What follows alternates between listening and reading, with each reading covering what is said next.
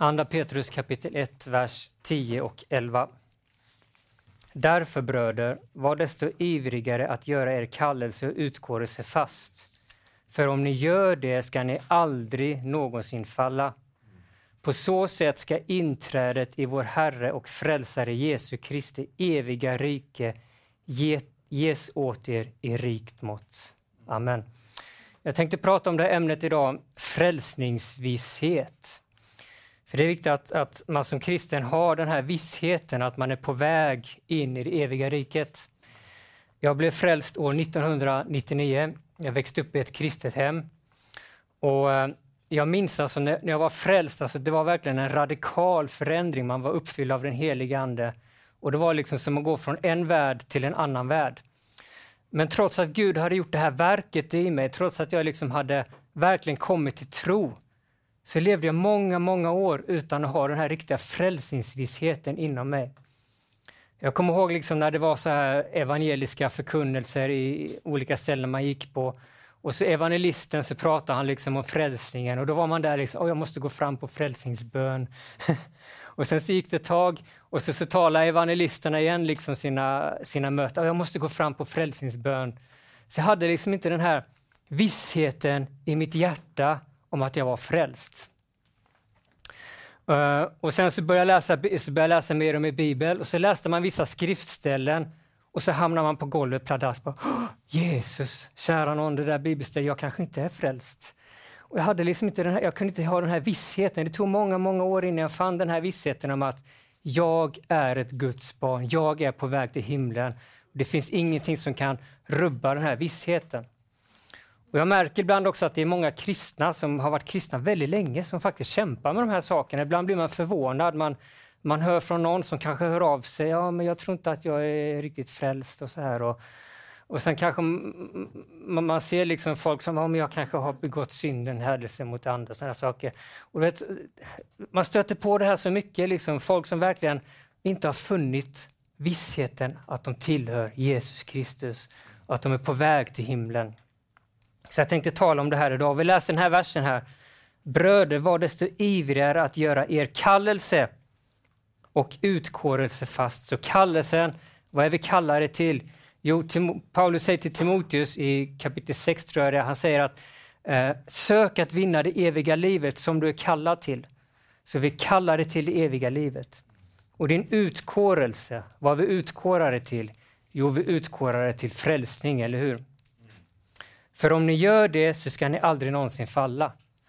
Så vad han säger här, om vi, om vi förvissar oss om vår frälsning så kommer vi inte att falla på vägen.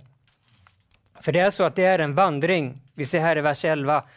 För att på så sätt ska inträdet i vår Herre Jesu frälsare, eviga rike ges åt er i rikt mått. Så vi är på en vandring. Vi blir frälsta. Det är, vi blir frälsta när vi bekänner Jesus som Herre. Men det är inte där en gång frälst, alltid frälst, utan det är en vandring, en pilgrimsfärd, som det står här, till det eviga riket. Så om du inte har fått den här vissheten så kan du gå härifrån idag och veta, halleluja, jag är på väg till eviga riket. Om du inte känner Jesus alls så kan du lära känna honom idag. Om du redan har visshet så är min bön att du ska gå härifrån och vara ännu mer viss om att du är på väg till det eviga riket. Halleluja!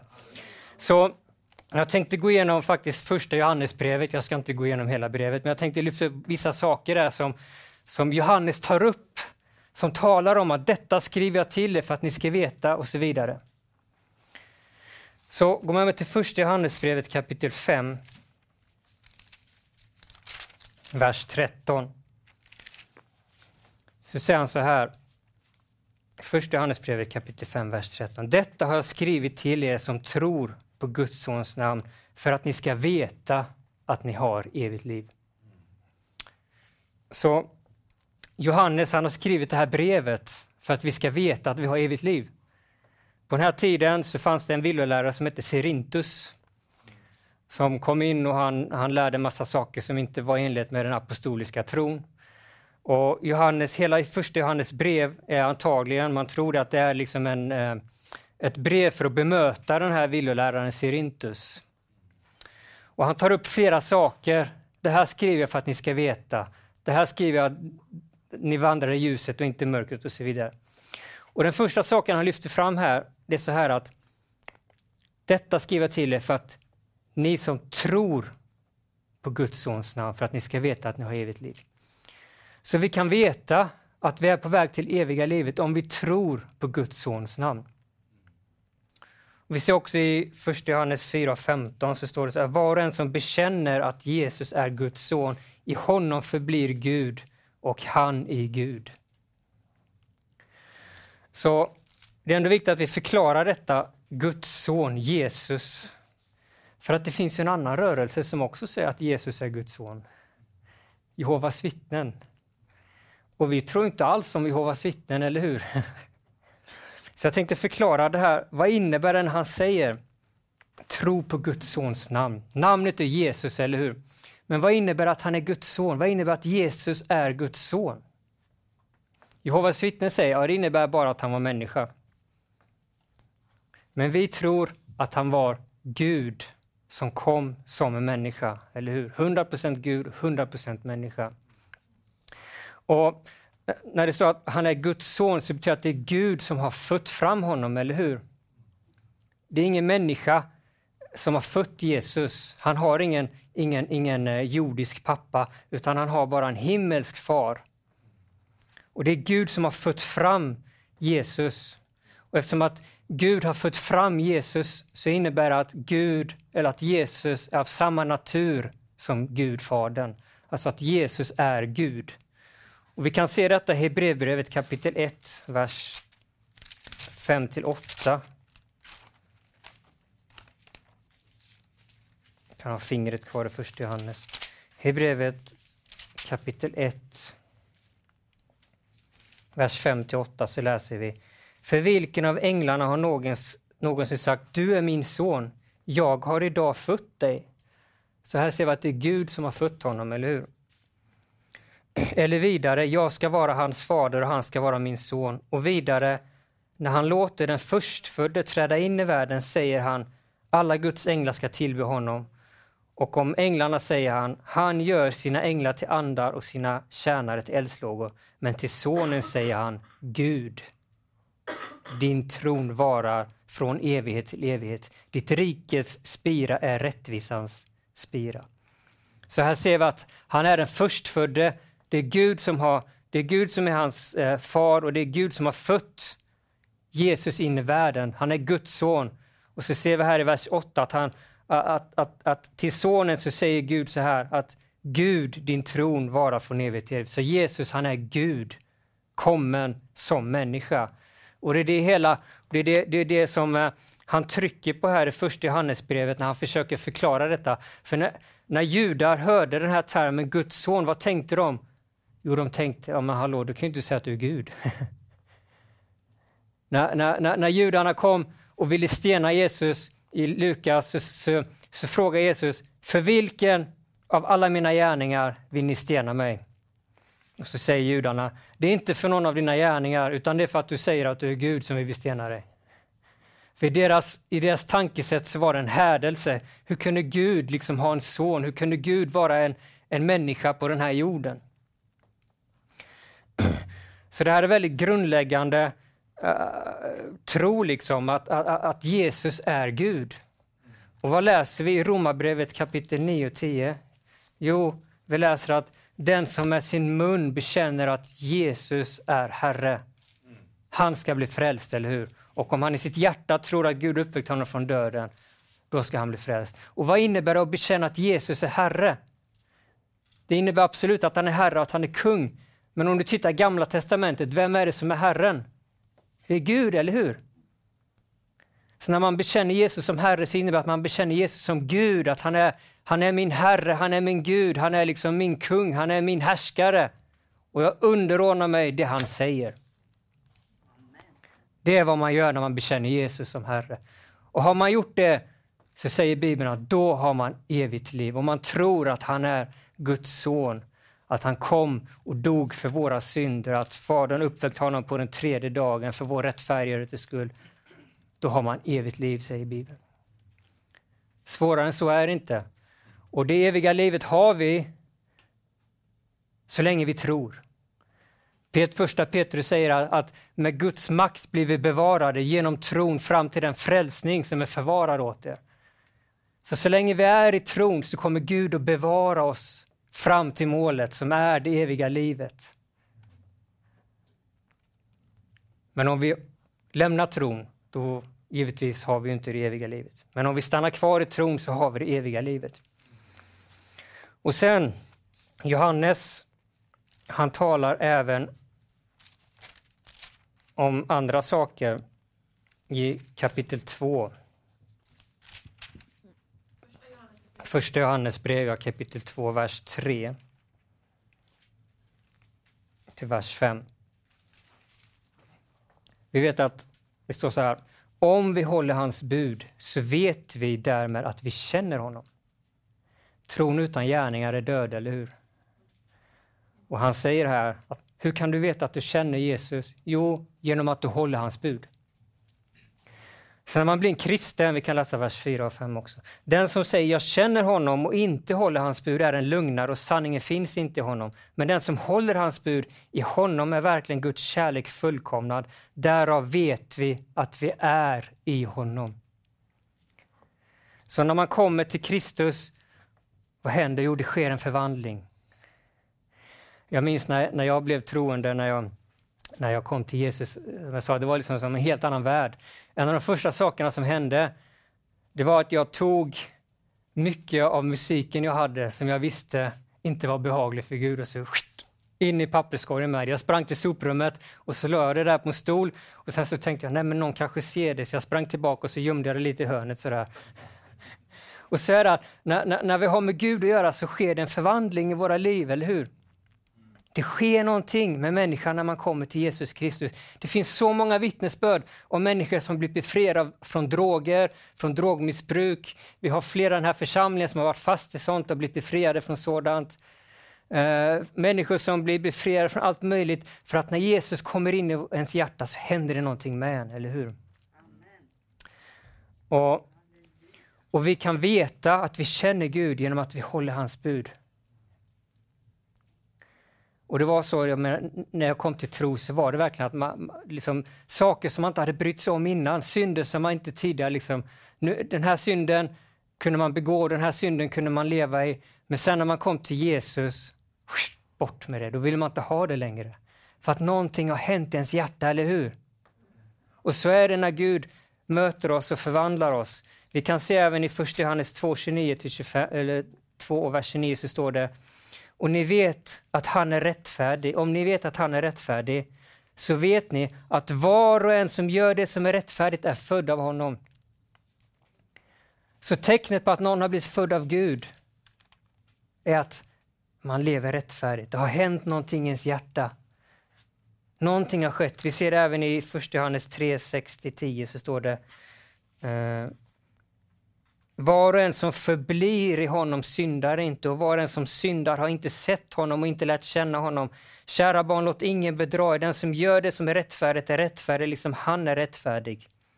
Den som gör synd är av djävulen, för djävulen har syndat från begynnelsen. Därför uppenbarades Guds son för att han skulle göra slut på djävulens gärningar. Och var och en som är född av Gud gör inte synd, för Guds säd förblir i honom och han kan inte synda som att han är född av Gud. På grund av detta är det uppenbart vilka som är Guds barn och vilka som är djävulens barn. Var en som inte gör det som är rättfärdigt är inte av Gud och inte heller den som inte älskar sin broder. Så de som, de, de som, de som eh, har kommit till, till Jesus, de kommer börja leva ett rättfärdigt liv. Och många gånger, många gånger tror jag varför många människor saknar frälsningsvisshet. Jag tror att det kan finnas flera olika orsaker till det. En av orsakerna kan vara att vi inte är grundade i läran. Jag tror det var problemet med mig. Den andra orsaken är att djävulen viskar i våra öron. Han är expert på att viska saker. ja, men du är nog inte riktigt frälst. Du är inte si, du är inte så. Och den tredje orsaken är helt enkelt att vi lever inte rättfärdigt. Och då ska man inte ha någon frälsningsvisshet heller. Nej, utan när Jesus möter oss, då händer det någonting, eller hur? Vi läste här i vers 7 att den som gör det som är, den som gör det som är rättfärdig är rättfärdig, liksom han är rättfärdig. Så det betyder att när Jesus flyttar in i oss, då kommer rättfärdigheten in i oss, eller hur? Han förklarar oss rättfärdig och han gör oss rättfärdig. Så det händer någonting med oss. Det blir ett helt annat liv, det sker en förvandling. Det händer någonting med människans liv när Jesus Kristus flyttar in. Och så ska det vara med dig och mig.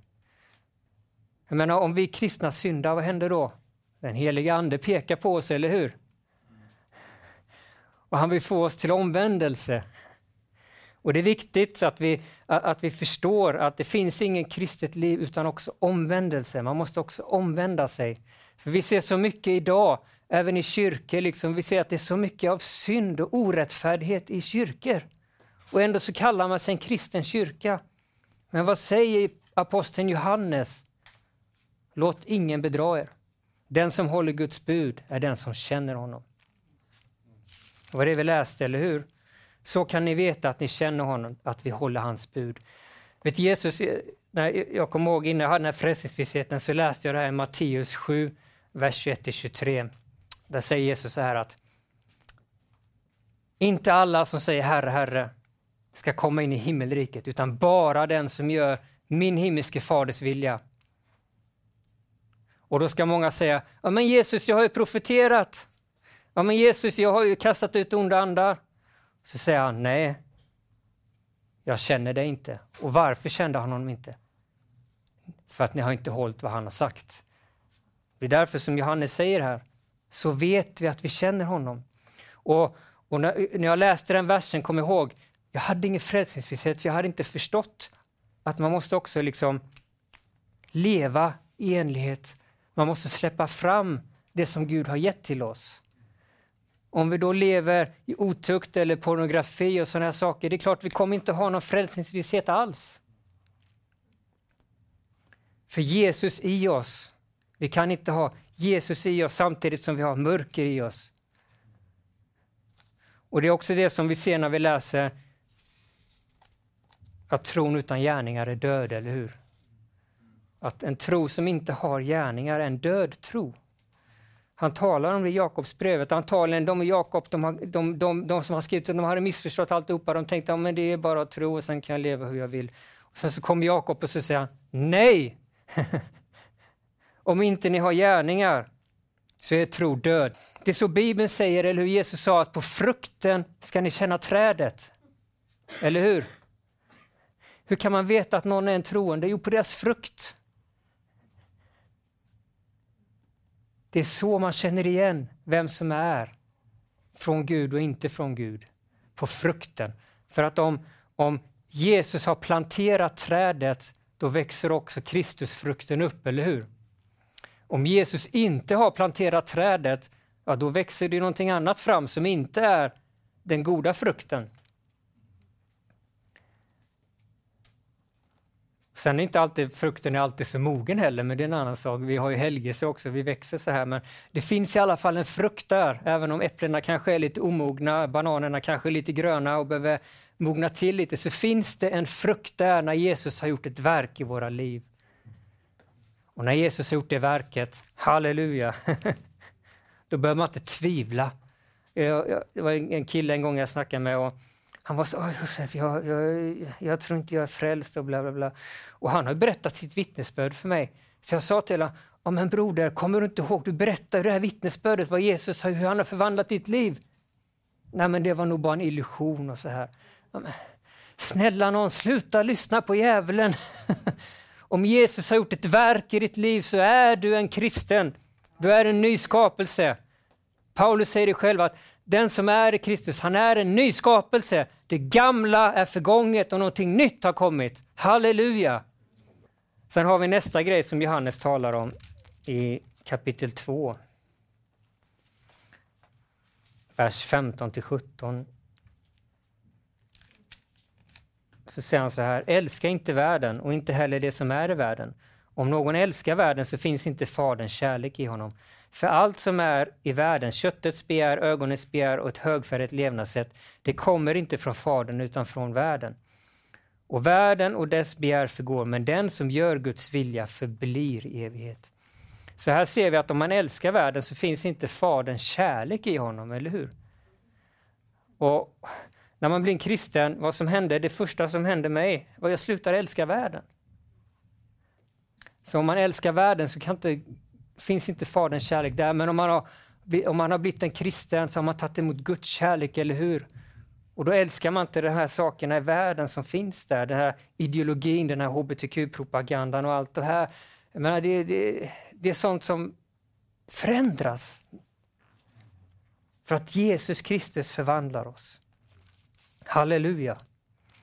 Sen har vi nästa som är att när man blir en kristen, då börjar man älska de kristna, de troende.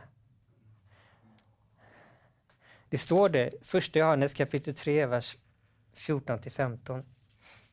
Jag skriver till er fäder för att ni har lärt känna honom som är från begynnelsen. Jag skriver till er unga män. Nu läste jag fel. Kapitel 3, vers 14 15. Vi vet att vi har gått över från döden till livet för vi älskar bröderna. Den som inte älskar sin broder förblir i döden. Var en som hatar sin broder är en, en mördare och ni vet att ingen mördare har evigt liv bestående i sig. Så det är väldigt tydligt. Hur kan du veta att du har gått från döden till frälsningen? Jo, genom att du älskar bröderna. Det är så fantastiskt när man, när, när man, när man ser liksom folk har varit borta ett tag och så kommer de in här i församlingen och så första de säger Åh, vad jag saknat er. Då tänker jag, halleluja! här har vi en som är frälst. Och så är det som, som troende, som kristen, så älskar man det Jesus älskar och han älskar sin församling, eller hur? Innan man är troende så kanske man hatar de kristna eller i alla fall kanske inte bryr sig så mycket om dem. Men när man blir en kristen så älskar man sina syskon. Vi står här, var och som hatar sin broder är en mördare. Och ni vet att ingen mördare har evigt liv bestående i sig. Och Det hänger också ihop med vad vi läser i första Johannes kapitel 1, vers 7. Första Johannes 1 och 7. Men om vi vandrar i ljuset så som han är ljuset, så har vi gemenskap med varandra. Och Jesu Kristi, hans sons blod, renar oss från all synd. Så här ser vi, om vi har kommit till det eviga livet, så älskar vi bröderna. Och så står det här att om vi vandrar i ljuset, så som han är ljuset, så har vi gemenskap med varandra. Det är tecken på att Gud har gjort ett verk i ens hjärta, att man vill ha gemenskap med andra troende. Därför är det så tragiskt att det finns så mycket folk där ute i Sverige och alla andra ställen som de isolerar sig från allt vad kristna heter. Och så, och så, de hittar alltid en massa fel i alla församlingar och så går de ingenstans. Har de inte gemenskap med någon? De vandrar i mörkret enligt den här versen. De behöver omvända sig och ha gemenskap med andra troende. Jag säger inte att man ska vara med i någon institutionskyrka nu, men att man ska ha gemenskap med andra troende, det är tecken på att man är en ny skapelse. Det är ett tecken på att Jesus Kristus lever i oss, att vi älskar våra bröder och systrar. Vi ser fram emot mot eh, gemenskapen på söndagar och vi ser fram emot eh, församlingshelger och allt möjligt som när det, andra, när det är troende involverade. Så är det när man är en ny skapelse i Jesus Kristus.